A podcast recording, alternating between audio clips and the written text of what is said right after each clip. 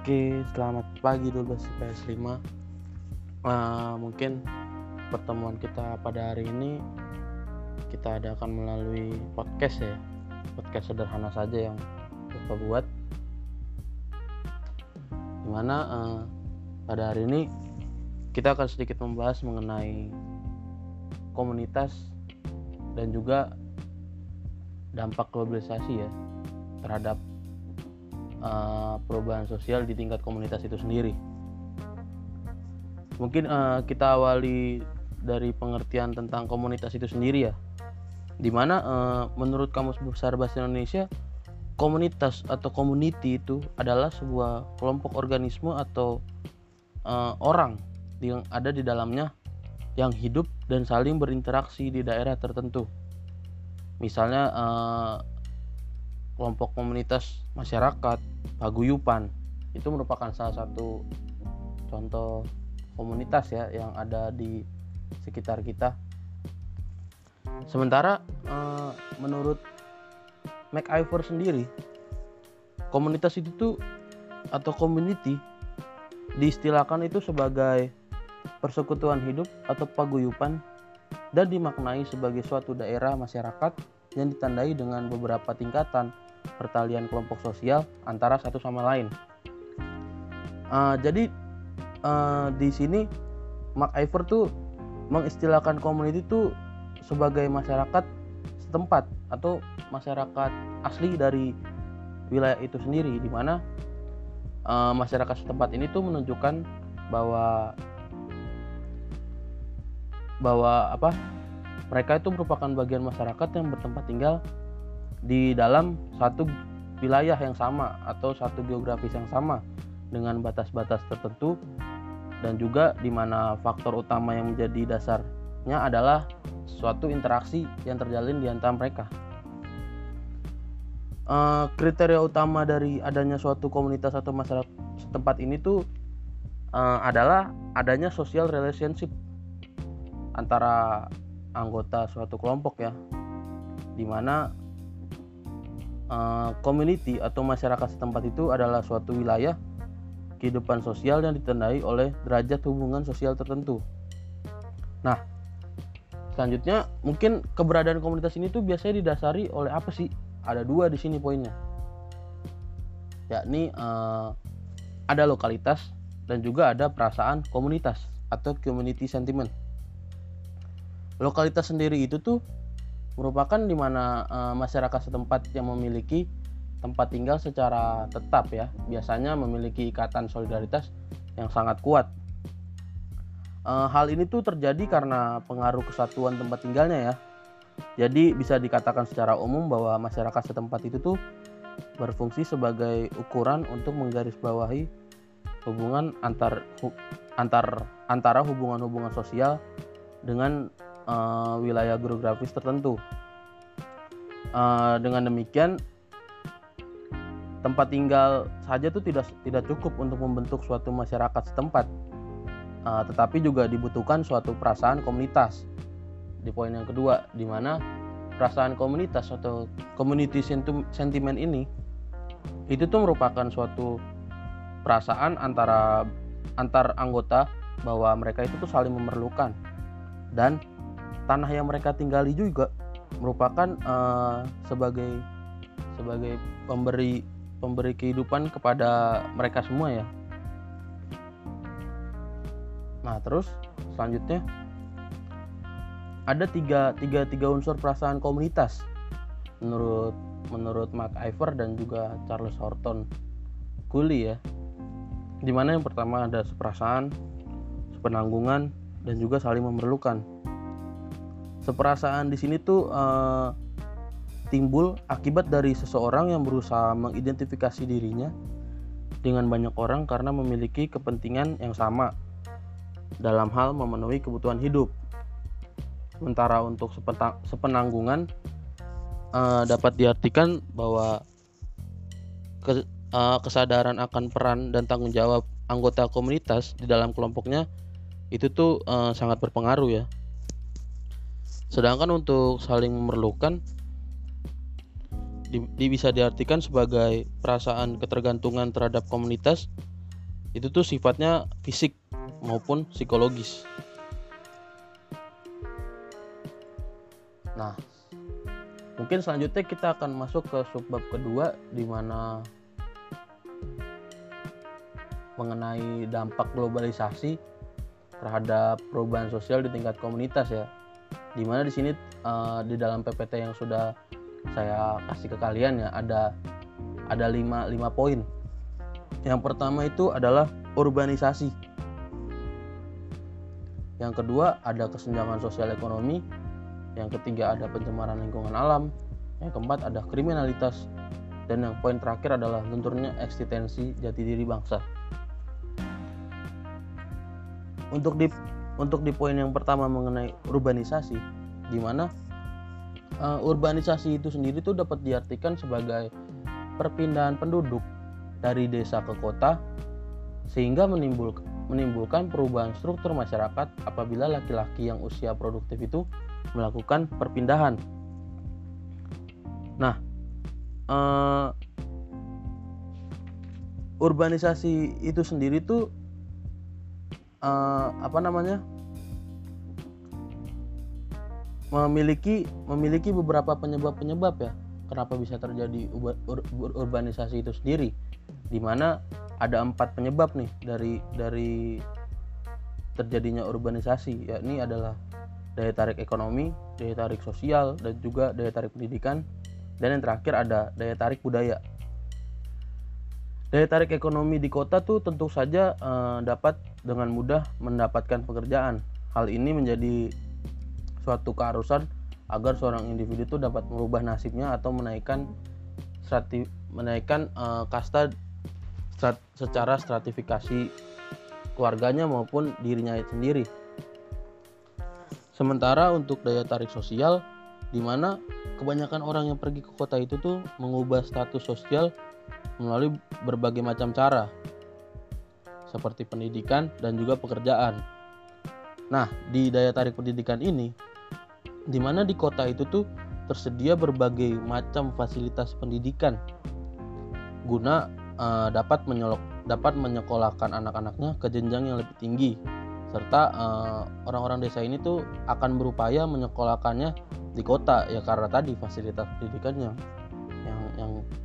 yang memadai dan lebih lengkap daripada di desa ya sehingga eh, orang-orang yang di desa ini tuh berharap bahwa setelah berhasil menempuh pendidikan yang lebih tinggi uh, anaknya itu tuh dapat mendapatkan pekerjaan yang sesuai di kota dan secara otomatis akan menaikkan status sosial dari keluarganya itu sendiri. Sementara untuk daya tarik budaya di mana kota itu tuh merupakan sebagai tempat-tempat uh, tempat yang lebih modern ya di mana terdapat berbagai pusat hiburan yang menyenangkan. Dan juga kehidupan kota itu sering sering pula ditafsirkan sebagai kehidupan yang serba modern ya, sehingga berpengaruh pada perubahan pola tingkah laku masyarakat desa itu sendiri. Kehidupan di desa itu dianggap sebagai kuno dan juga ketinggalan zaman. Maka orang desa itu tuh akan berupaya untuk dapat mengikuti pola perilaku orang kota, yakni dengan cara pindah ke kota.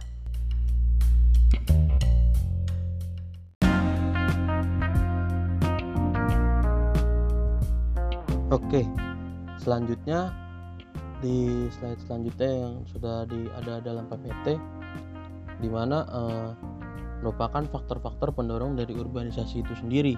Apa aja sih faktor-faktor yang bisa mendorong masyarakat desa itu untuk untuk berpindah dari desa ke kota? Di mana yang pertama adalah uh, kurangnya tempat rekreasi di desa. Jadi di desa itu tuh cenderung tempat-tempat rekreasi itu uh, hanya hanya tempat-tempat yang tempat-tempat yang berbau alam ya seperti apabila desanya di dekat pantai ada terdapat pantai tempat rekreasi berupa pantai. Kalau desanya ada di kaki-kaki gunung mungkin uh, terdapat tempat rekreasi berupa air terjun atau atau atau apa namanya dibukakannya suatu jalur pendakian di gunung itu atau bukit. Terus uh, maka dari itu Eh, orang-orang desa tuh cenderung uh, menganggap bahwa tempat rekreasi itu tuh masih masih kurang ya untuk mereka atau hanya itu itu saja. Jadi yang mereka yang tergambar dari masyarakat desa itu tuh tempat rekreasi itu adalah berupa gedung-gedung tinggi seperti mall yang ada di kota atau wahana-wahana bermain yang ada di kota. Sehingga uh, itu yang yang yang menjadikan faktor pendorong bagi masyarakat desa itu untuk dapat berpindah dari desa ke kota sehingga melakukan urbanisasi itu sendiri. Terus yang kedua di mana penduduk desa itu tuh tidak tidak apa namanya kurang mendapatkan ilmu pengetahuan. Jadi uh, alasan alasan mungkin ini alasan yang paling yang paling ini ya yang paling yang paling bisa diterima oleh banyak orang ya bahwa perpindahan atau urbanisasi itu tuh cenderung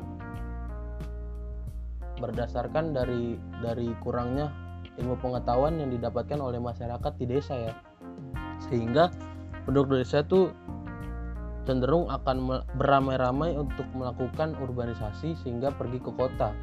Sebagai contoh uh, di kampus saya ya uh, mungkin terdapat mahasiswa-mahasiswa dari dari dari saudara-saudara kita di wilayah Papua ya di mana yang yang mungkin kita tahu uh, Papua sampai saat ini tuh masih masih rendah lah ya tingkat pendidikannya di sana. Sehingga uh, teman-teman kita atau saudara-saudara kita dari Papua ini tuh cenderung uh, akan melakukan suatu urbanisasi untuk melakukan menimba ilmu ya menimba ilmu istilahnya lah ya di di Pulau Jawa sehingga dapat menaikkan uh, status sosial dirinya dan juga keluarganya. Terus di poin yang ketiga adalah uh, mereka tuh merasa tertekan oleh adanya adat istiadat yang ketat, yang sangat ketat. Jadi uh, salah satu alasan atau faktor pendorong yang yang yang mengakibatkan suatu terjadinya urbanisasi mungkin ini adalah merupakan faktor yang bersifat nilai dan norma ya di mana orang-orang desa itu menganggap bahwa adat istiadat yang yang berlaku di desa itu cenderung cenderung sangat ketat ya sehingga mereka mungkin kalau untuk anak-anak muda seusia kalian atau seusia saya dengan adanya adat istiadat yang sangat ketat sehingga membuat mereka merasa terteka, terkekang.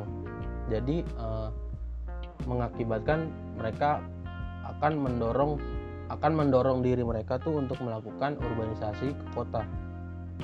Terus di poin yang keempat di mana kurangnya lapangan lapangan pekerjaan. E, lapangan pekerjaan yang tersedia di desa itu sangat kurang atau terbatas bila dibandingkan dengan pertumbuhan penduduknya sehingga akan menimbulkan tingkat pengangguran tuh yang tersamar alias masih masih tipis-tipis atau nggak kelihatan lah ya maka maka dari itu mereka akan berbondong-bondong menuju kota untuk uh, mendapatkan pekerjaan yang mungkin layak dan dan bisa me, mendapatkan penghasilan yang stabil ya bagi diri mereka ataupun bagi mereka yang sudah berkeluarga.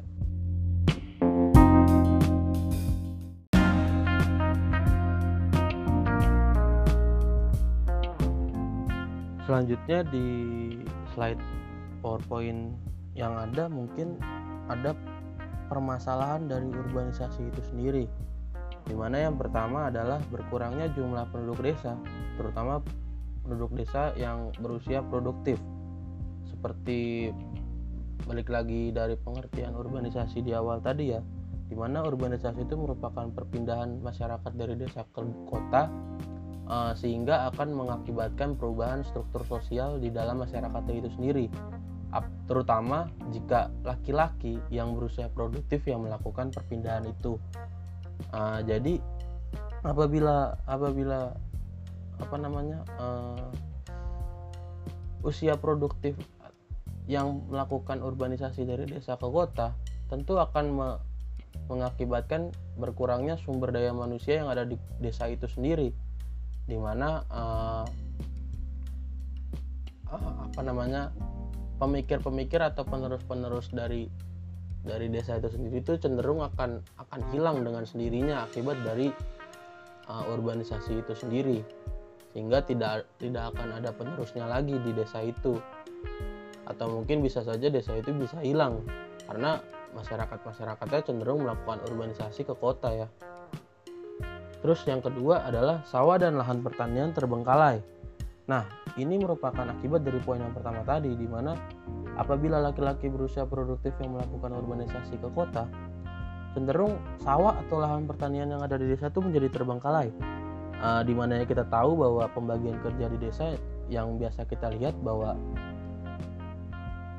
anak muda anak muda atau terutama laki-laki ya cenderung akan melakukan uh, uh, pembagian kerja dari mereka itu akan di sawah ya atau lahan pertanian milik keluarga keluarganya.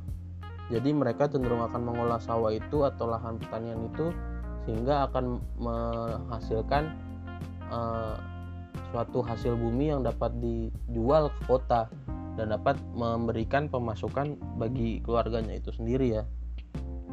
Terus di poin yang ketiga adalah hasil panen menurun.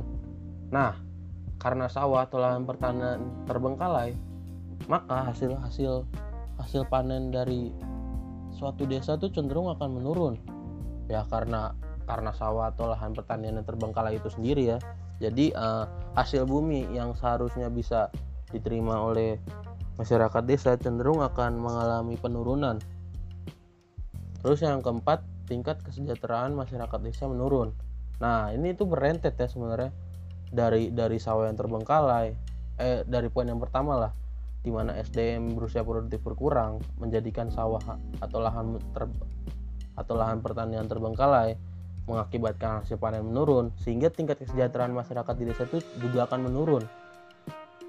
Nah, e, tentu juga akan dilanjutkan di poin yang kelima di mana meningkatkan angka pengangguran di kota apabila penduduk desa ini yang berusia produktif melakukan urbanisasi ke kota, tentu mereka juga akan bersaing dengan uh, sumber daya manusia yang lain ya atau orang-orang yang lain yang ada di kota ya yang cenderung memiliki ilmu pengetahuan yang lebih luas dibanding mereka. Ya, bukan bukan mohon maaf bukan bermaksud menyudutkan orang desa ya. Jadi seperti yang kita tahu bahwa tadi faktor pendorong kan adalah uh, kurangnya ilmu ilmu pengetahuan ya dari masyarakat desa itu sendiri.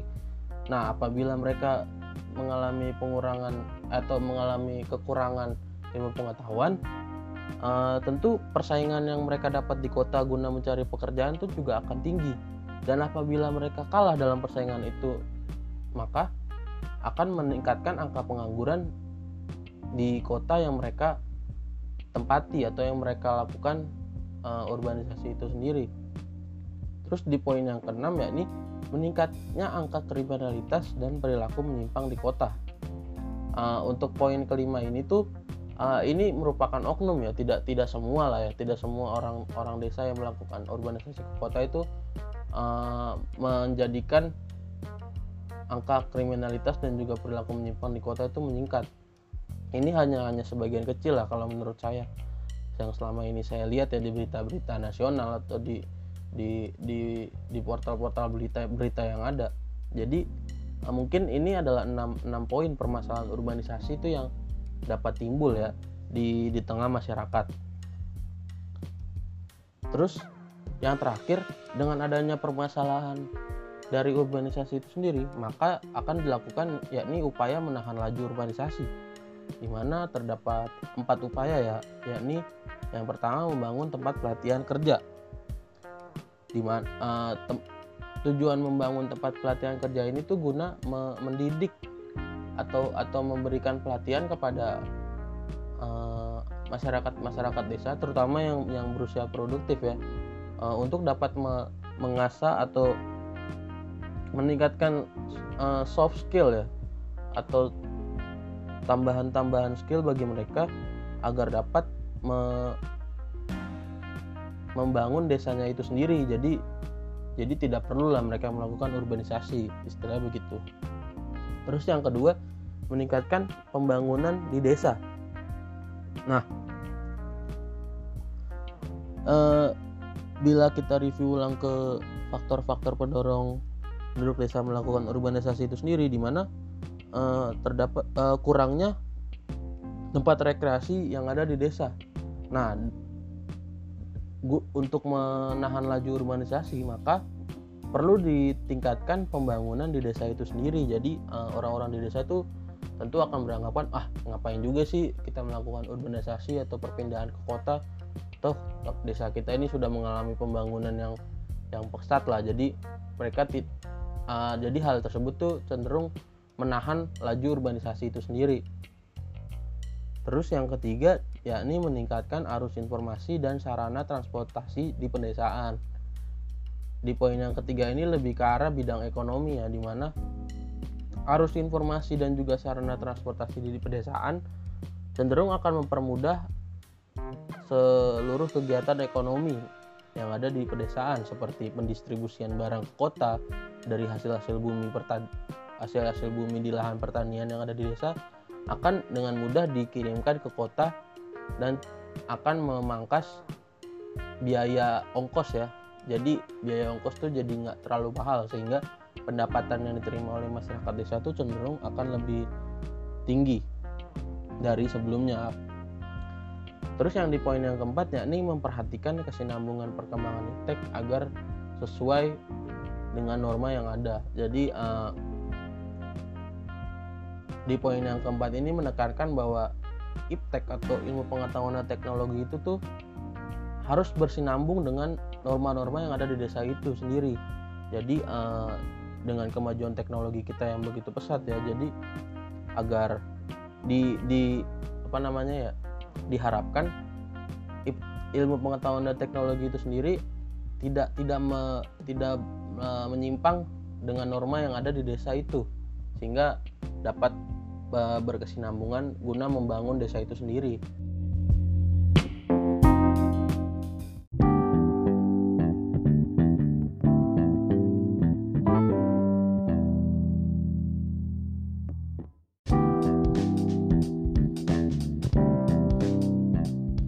Oke, sekarang kita masuk ke dampak yang kedua, yakni mengenai kesenjangan sosial ekonomi. Di mana secara etimologis itu kesenjangan berarti itu tidak seimbang, tidak simetris atau berbeda. Sehingga dapat diartikan bahwa kesenjangan sosial ekonomi itu adalah tingkat pertumbuhan sosial ekonomi yang tidak sama yang terjadi pada masyarakat yang melaksanakan pembangunan. Hal ini tuh terjadi karena kurangnya uh, kurangnya kesempatan untuk memperoleh sumber pendapatan, kesempatan kerja, kesempatan berusaha, dan juga kesempatan berpartisipasi dalam hal pembangunan. Uh, jadi jika jika semakin besar perbedaan untuk mendapatkan kesempatan-kesempatan tersebut, maka besar pula tingkat kesenjangan sosial ekonomi yang terjadi di masyarakat. Sebaliknya, apabila semakin kecil perbedaan kesempatan-kesempatan tersebut, maka kecil pula tingkat kesenjangan sosial ekonomi yang terjadi. Maka dari itu eh, perlu adanya peran pemerintah ya untuk membuka kesempatan kerja bagi seluruh anggota masyarakatnya. Terus selanjutnya adalah faktor-faktor pendorong kesenjangan sosial ekonomi. Di mana yang pertama ada menurunnya pendapatan per kapita. Uh, menurunnya pendapatan per, kapita ini tuh sebagai akibat dari pertumbuhan penduduk yang relatif yang, yang relatif tinggi tanpa diimbangi dengan peningkatan produktivitas. Jadi di sini yang seperti mungkin kalian sudah tahu pendapatan per kapita itu adalah pendapatan yang diterima oleh masyarakat ya. Mungkin itu ya dapat diartikan secara garis besarnya namun dengan pendapatan yang ada tidak tidak sebanding dengan pertumbuhan penduduk yang relatif tinggi sehingga akan mengakibatkan ting angka pendapatan per kapita itu akan semakin kecil apabila tidak diperhatikan pertumbuhan penduduk yang relatif tinggi itu. Terus yang kedua adalah ketidakmerataan hasil pembangunan antar daerah. Nah, uh, ketidakmerataan ini tuh sebagai akibat dari kebijakan politik dan juga kekurangsiapan sumber daya manusia yang ada. Dengan ketidakmerataan hasil hasil pembangunan antar daerah ini uh, itu tuh dasarnya merupakan dari kebijakan politik yang ada ya. Dari para penguasa-penguasa yang ada. Atau presiden yang sedang menjabat si dan juga kekurangsiapan dari sumber daya manusianya itu sendiri atau kekurang mungkin kekurang siapan dari masyarakat yang ada di dalam manusia itu di masyarakat yang ada di dalam negara itu sendiri ya. Terus yang ketiga adalah rendahnya mobilitas. di mana uh, sikap mental tradisional yang kurang menyukai persaingan dan juga kurang usaha. Nah, ini tuh uh, menjadi faktor pendorong yang yang mungkin terlihat di terlihat di di dalam kehidupan kita sehari-hari apabila uh, mental tradisional yang timbul yakni kurang menyukai persaingan dan juga kurang adanya usaha cenderung akan uh, akan mengakibatkan suatu terjadi uh, suatu kesenjangan sosial ekonomi ya antar masyarakatnya itu sendiri. Terus yang keempat adalah hancurnya industri kerajinan rakyat, di mana uh, hal ini tuh terjadi akibat dari monopoli para pengusaha bermodal besar. Pengusaha-pengusaha besar ini tuh cenderung mematikan pasar atau mematikan pendapatan dari dari apa namanya industri kerajinan rakyat atau industri UMKM lah yang bahasa sekarang yang sering kita dengar. Jadi dengan dengan menurunnya UMKM eh dengan menurunnya pendapatan dari UMKM atau hasil industri kerajinan rakyat itu sendiri cenderung akan mengakibatkan senjangan sosial ekonomi. Terus yang kelima adalah investasi yang tinggi pada proyek padat modal. Nah, investasi ini tuh sangat banyak terjadi pada proyek-proyek yang padat modal atau kapital intensif sehingga presentasi pendapatan dari harta tambahan yang lebih besar dibandingkan dengan presentasi pendapatan kerja. Nah, ini mengakibatkan bahwa tidak tidak tidak fair ya di mana di mana seseorang mendapatkan harta tambahan yang lebih besar dibanding dengan presentasi pendapatan kerja dengan orang-orang yang bekerja. Jadi uh, hal tersebut dapat mengakibatkan kesenjangan sosial ekonomi di dalam masyarakat itu sendiri.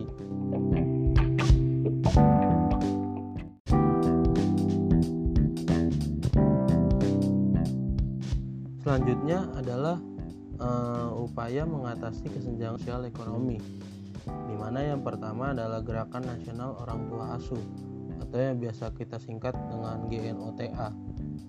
Apa sih GNOTA ini? Uh, GNOTA ini tuh biasa dikenal dengan Yayasan GNOTA, yakni sebuah organisasi sosial nirlaba, independen dan transparan yang didirikan pada tanggal 29 Mei tahun 1996.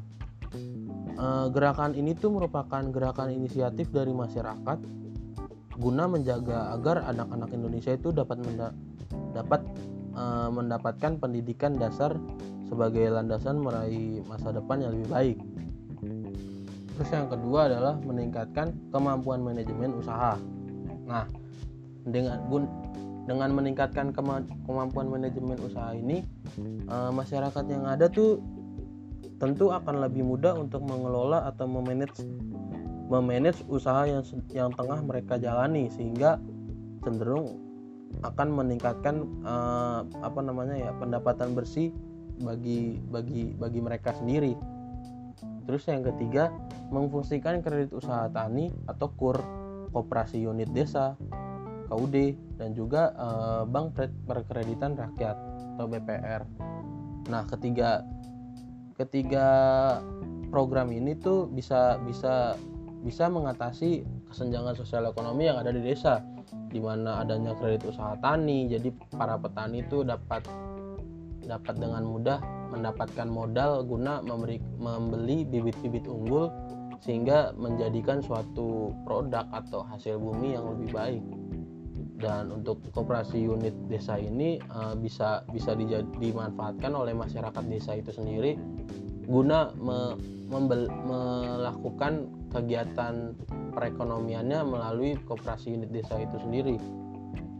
Terus yang bank kreditan rakyat ini tuh membantu uh, masyarakat yang ada tuh seperti kredit usaha tani tadi ya. Jadi masyarakat tuh diberikan pinjaman yang akan digunakan sebagai modal modal usaha ya sehingga dapat memberikan pendapatan yang yang tinggi atau atau bersih lah ya kepada masyarakat yang tidak memiliki modal namun memiliki pengetahuan dalam berusaha.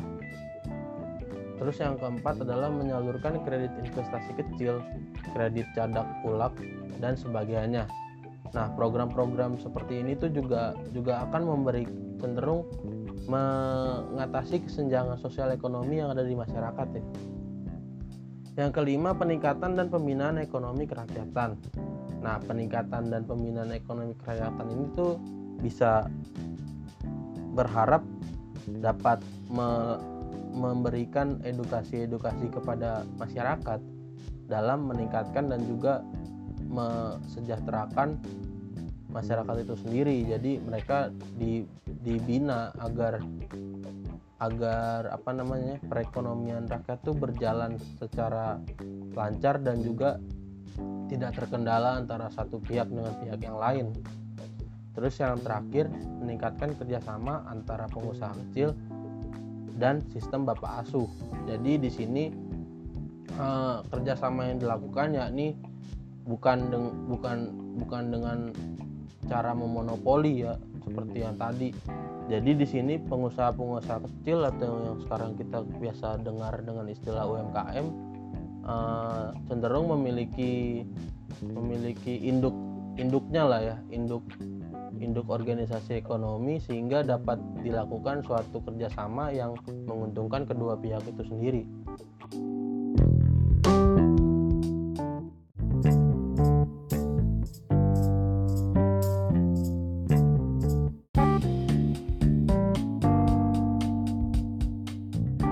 Selanjutnya di dampak yang ketiga adalah pencemaran lingkungan alam, di mana masyarakat masyarakat itu tuh yang melakukan pembangunan harus memperhatikan kelestarian dan juga perbaikan lingkungan alamnya, di mana alam sebagai tempat hidup manusia dan makhluk hidup yang lain seperti flora dan fauna itu tidak boleh dikorbankan hanya karena kebutuhan jangka pendek. Karena manusia dan lingkungan hidupnya itu merupakan suatu kesatuan. Suatu kesatuan apa? Suatu kesatuan ekosistem. Uh, mungkin ada tiga cara bagi manusia untuk berhubungan dengan alam, yakni yang pertama adalah manusia tunduk pada alam, manusia dan alam saling membutuhkan, dan manusia yang dengan segala kemampuannya coba menguasai alam. Nah, dengan kecanggihan teknologi di era globalisasi ini, manusia tuh cenderung ingin menguasai alam. Karena di, di dengan teknologi ini manusia bisa mengeksplorasi bahkan meng, hingga mengeksploitasi alam dan tanpa menyadari bahwa memberikan dampak berupa pencemaran yang cukup besar terhadap alam itu sendiri sehingga menimbulkan masalah pencemaran alam. Nah, Edgen di sini me, menyampaikan bahwa terdapat uh, tiga pencemar tiga jenis pencemaran, yakni ada pencemaran udara, pencemaran air, pencemaran dan pencemaran kimiawi. Mungkin pencemaran udara seperti yang sudah kalian tahu seperti asap mobil, asap pabrik, asap pembakaran, dan juga asap pembakaran minyak dan sampah. Terus untuk pencemaran air yakni pembuangan limbah industri ke sungai, danau dan juga laut yang mengakibatkan ekosistem di laut itu tuh menjadi rusak Terus yang pencemaran kimiawi di mana terdapat produksi bahan sintetis berupa deterjen, pupuk, pestisida, plastik dan juga pakaian yang limbah-limbahnya itu kembali dibuang ke laut, sungai atau danau. Terus selanjutnya adalah usaha mencegah pencemaran lingkungan, di mana di sini terdapat uh, tiga poin ya yakni dengan cara pengawasan dan pembinaan mengenai sistem AMDAL. Apa sih itu AMDAL? Mungkin bisa mungkin bisa saya jelaskan secara garis besar bahwa AMDAL ini adalah analisa mengenai dampak lingkungan. Jadi ketika suatu pihak atau suatu orang melakukan uh, pembangunan atau melakukan suatu program di mana dia juga harus bisa menganalisis uh, menganalisis terhadap dampak lingkungan yang ada di sekitar dia akibat dari proyek yang dia lakukan. Sehingga uh, tidak me, tidak menimbulkan masalah-masalah baru.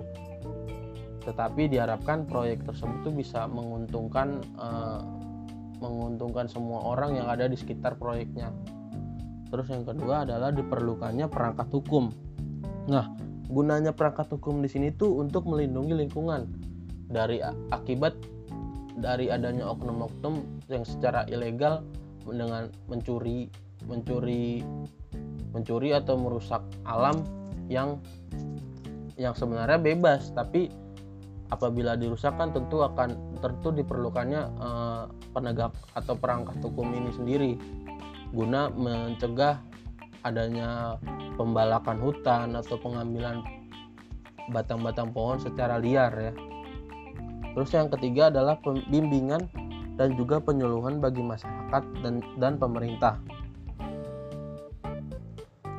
atau beserta komponen lainnya seperti LSM eh, agar mengubah pola hidup yang merusak lingkungan alam menjadi pola hidup yang bertanggung jawab demi kelestarian alam dan juga lingkungan hidupnya.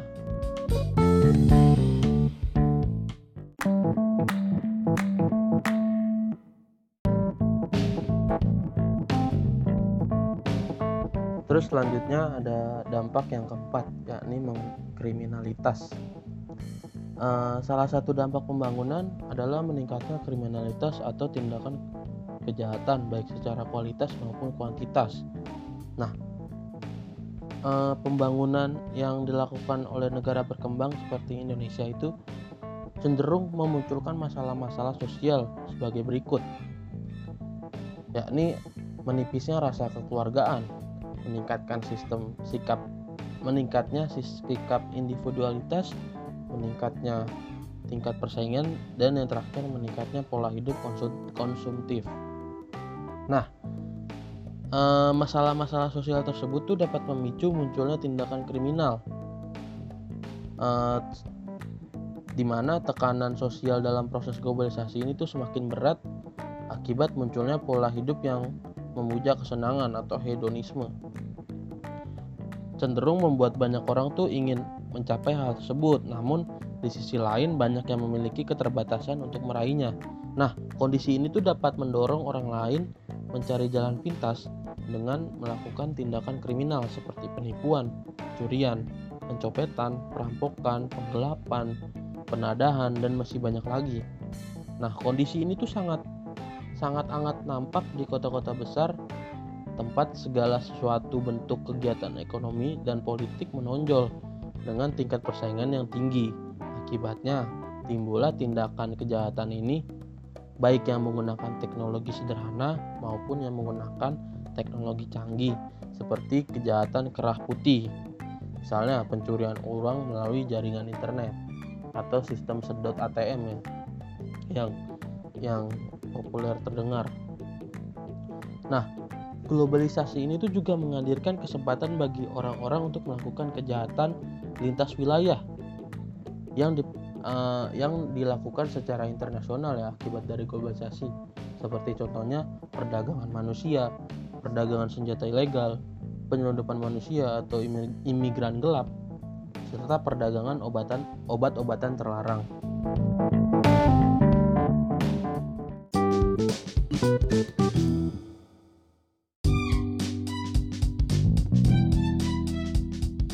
dan yang terakhir di dampak yang kelima yakni lunturnya eksistensi jati diri bangsa di mana eh, globalisasi yang ditandai dengan semakin kaburnya sekat-sekat antar negara tertentu maka akan berdampak pada eksistensi jati diri bangsa itu sendiri. Eh, mungkin eh, di sini ada tujuh contoh dari bidang-bidang yang ada ya. Ya yang pertama bidang teknologi. Dengan berkembangnya internet di di dalam masyarakat menyebabkan uh, arus-arus informasi itu tuh dapat diteri, dapat diterima dan dinikmati oleh seluruh warga di dunia dengan mudah. Di mana uh, informasi-informasi itu berupa ide-ide, nilai, dan juga norma yang tidak jarang juga bertentangan dengan ide, nilai, dan norma yang ada di suatu masyarakat atau suatu masyarakat di suatu bangsa tertentu uh, dengan mudahnya masuk uh, ide-ide nilai-nilai dan norma itu tuh dengan mudahnya masuk dan mempengaruhi seseorang hanya dengan cara uh, duduk di depan gadgetnya masing-masing sambil melakukan uh, kegiatan browsing di internet itu sendiri. Terus yang kedua di bidang pendidikan, di mana uh, perkembangan industri yang sangat pesat berdampak pula pada bidang pendidikan. Maka dari itu, uh, pendidikan mulai mengantisipasi uh, industrialisasi ini dengan menyiapkan sistem pendidikan, pengetahuan, dan juga keterampilan bagi para peserta didik yang diharapkan bisa menyesuaikan dengan perkembangan industri. Nah, uh, dunia pendidikan itu tuh hanya mengejar target-target untuk mengikuti perkembangan secara global. Seringkali bahwa dunia pendidikan itu tuh lupa menanamkan nilai-nilai luhur bangsa yang dijadikan sebagai karakter atau jati diri bangsa itu sendiri. Padahal tuh uh, nilai-nilai luhur bangsa ini sangat penting ya bagi bagi peserta didik guna ditanamkan pada diri mereka agar mereka tidak uh, lupa dan juga selalu menjunjung tinggi jati diri bangsanya. Serta uh, karakter bangsa itu harus ditanamkan juga ke para peserta didik, yakni disiplin, jujur, kejar keras dan juga toleransi, cinta damai, mandiri dan masih banyak lagi ya. Terus yang ketiga adalah di bidang ideologi. Um, dengan adanya globalisasi ini dan juga banyaknya pengaruh dari negara-negara maju menyebabkan uh, lemahnya atau melemahnya ya penghayatan kita terhadap Pancasila sebagai ideologi kita uh, yang merupakan pandangan hidup bangsa. Hal ini tuh patut diwaspadai apabila pengaruh-pengaruh yang yang masuk dari luar tentu saja dapat bertentangan dengan nilai-nilai Pancasila yang sudah dianut oleh bangsa kita sejak dahulu kala ya. Terus di bidang keempat adalah bidang agama. Masuknya globalisasi itu akan memunculkan berkurangnya pola agama, berkurangnya penghayatan terhadap kepercayaan, dan juga berkembangnya aliran-aliran sesat dan juga sekuler dan sekularisasi beragama. Peranan agama itu dapat dapat tersisihkan dan dapat digantikan oleh lembaga-lembaga kemasyarakatan yang dibentuk dengan alasan memajukan ilmu pengetahuan. Nah, di sini tuh sebagai contohnya ya tadi uh, berkembangnya aliran sesat dan juga sekularisasi agama di mana munculnya aliran-aliran sesat dan juga aliran-aliran baru. Yang aliran baru ini tuh belum tentu sesat dengan berkedok uh, sebagai kemajuan ilmu pengetahuan. Dengan terbentuknya aliran-aliran ini tuh uh, memiliki alasan kemajuan ilmu pengetahuan. Terus yang kelima bidang lingkungan dan kesehatan, di mana perusahaan asing itu tuh mengambil alih sumber daya alam di Indonesia dan sering kali mengabaikan lingkungan dan kesehatan seperti berbagai kasus pencemaran air yang melibatkan perusahaan lokal maupun perusahaan asing. Nah, pencemaran air ini tuh bisa saja merusak ke kerusakan lingkungan ya. Seperti pertambangan di sejumlah wilayah yang merusak lingkungan. Apabila lingkungan itu buruk, tentu akan berdampak pada kualitas kesehatan manusia itu sendiri karena munculnya berbagai macam penyakit. Apabila kadar kesehatan yang rendah yang rendah lama-kelamaan cenderung dapat mempengaruhi uh, kualitas hidup dari manusia itu sendiri. Terus yang keenam adalah bidang ekonomi di mana masuknya perusahaan-perusahaan multinasional telah mematikan perusahaan dan juga usaha-usaha masyarakat lokal.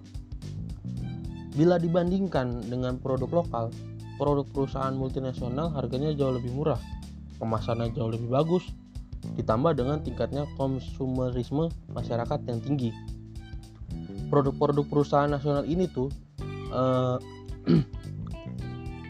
Produk-produk perusahaan nasional serta perusahaan-usaha kecil masyarakat ini tuh jelas kalah bersaing. Akibatnya banyak perusahaan nasional yang gulung tikar dan tingkat pengangguran tuh tentu juga akan meningkat akibat dari uh, gulung tikarnya perusahaan nasional atau produk-produk lokal ya. Terus bidang yang terakhir adalah bidang budaya, di mana uh, pada bidang budaya ini tuh timbul kekhawatiran bahwa bentuk-bentuk budaya asing yang masuk ke Indonesia itu dapat berujung pada marginalisasi atau penyingkiran budaya lokal. Di mana eh, masuknya pengaruh musik sebagai contoh ya, masuknya pengaruh musik mancanegara telah menyebabkan pemuda dan juga remaja Indonesia itu meninggalkan kesenian asli Indonesia. Musik uh, seperti yang kita tahu, musik-musik daerah yang lama tuh mulai ditinggalkan. Dengan demikian, berbagai tarian daerah hingga pelosok hingga pelosok daerah di Indonesia itu menjadi lebih apa namanya sudah sudah mulai hilang. Dan digantikan dengan eh, musik-musik uh, barat dan juga Korea daripada musik-musik seperti keroncong, wayang ataupun randai. Uh, globalisasi itu juga mempengaruhi unsur bang unsur bahasa, mana bahasa adalah hasil budaya yang sangat penting seperti yang kita tahu uh, efek globalisasi ini tuh berkaitan dengan gaya bahasa perbendaharaan kata dan juga struktur pembahasan uh, di mana sebagai contoh tuh ada anak-anak remaja menggunakan bahasa Indonesia yang dicampur aduk dengan bahasa Inggris atau bahasa asing lainnya belum lagi dengan gaya hidup keberat-baratan masyarakat dan juga hilangnya nilai-nilai moral yang selama beratus-ratus tahun telah dipupuk masyarakat Indonesia itu uh, tentu akan menjadi luntur dan eksistensi jati diri bangsa akan menjadi semakin pudar.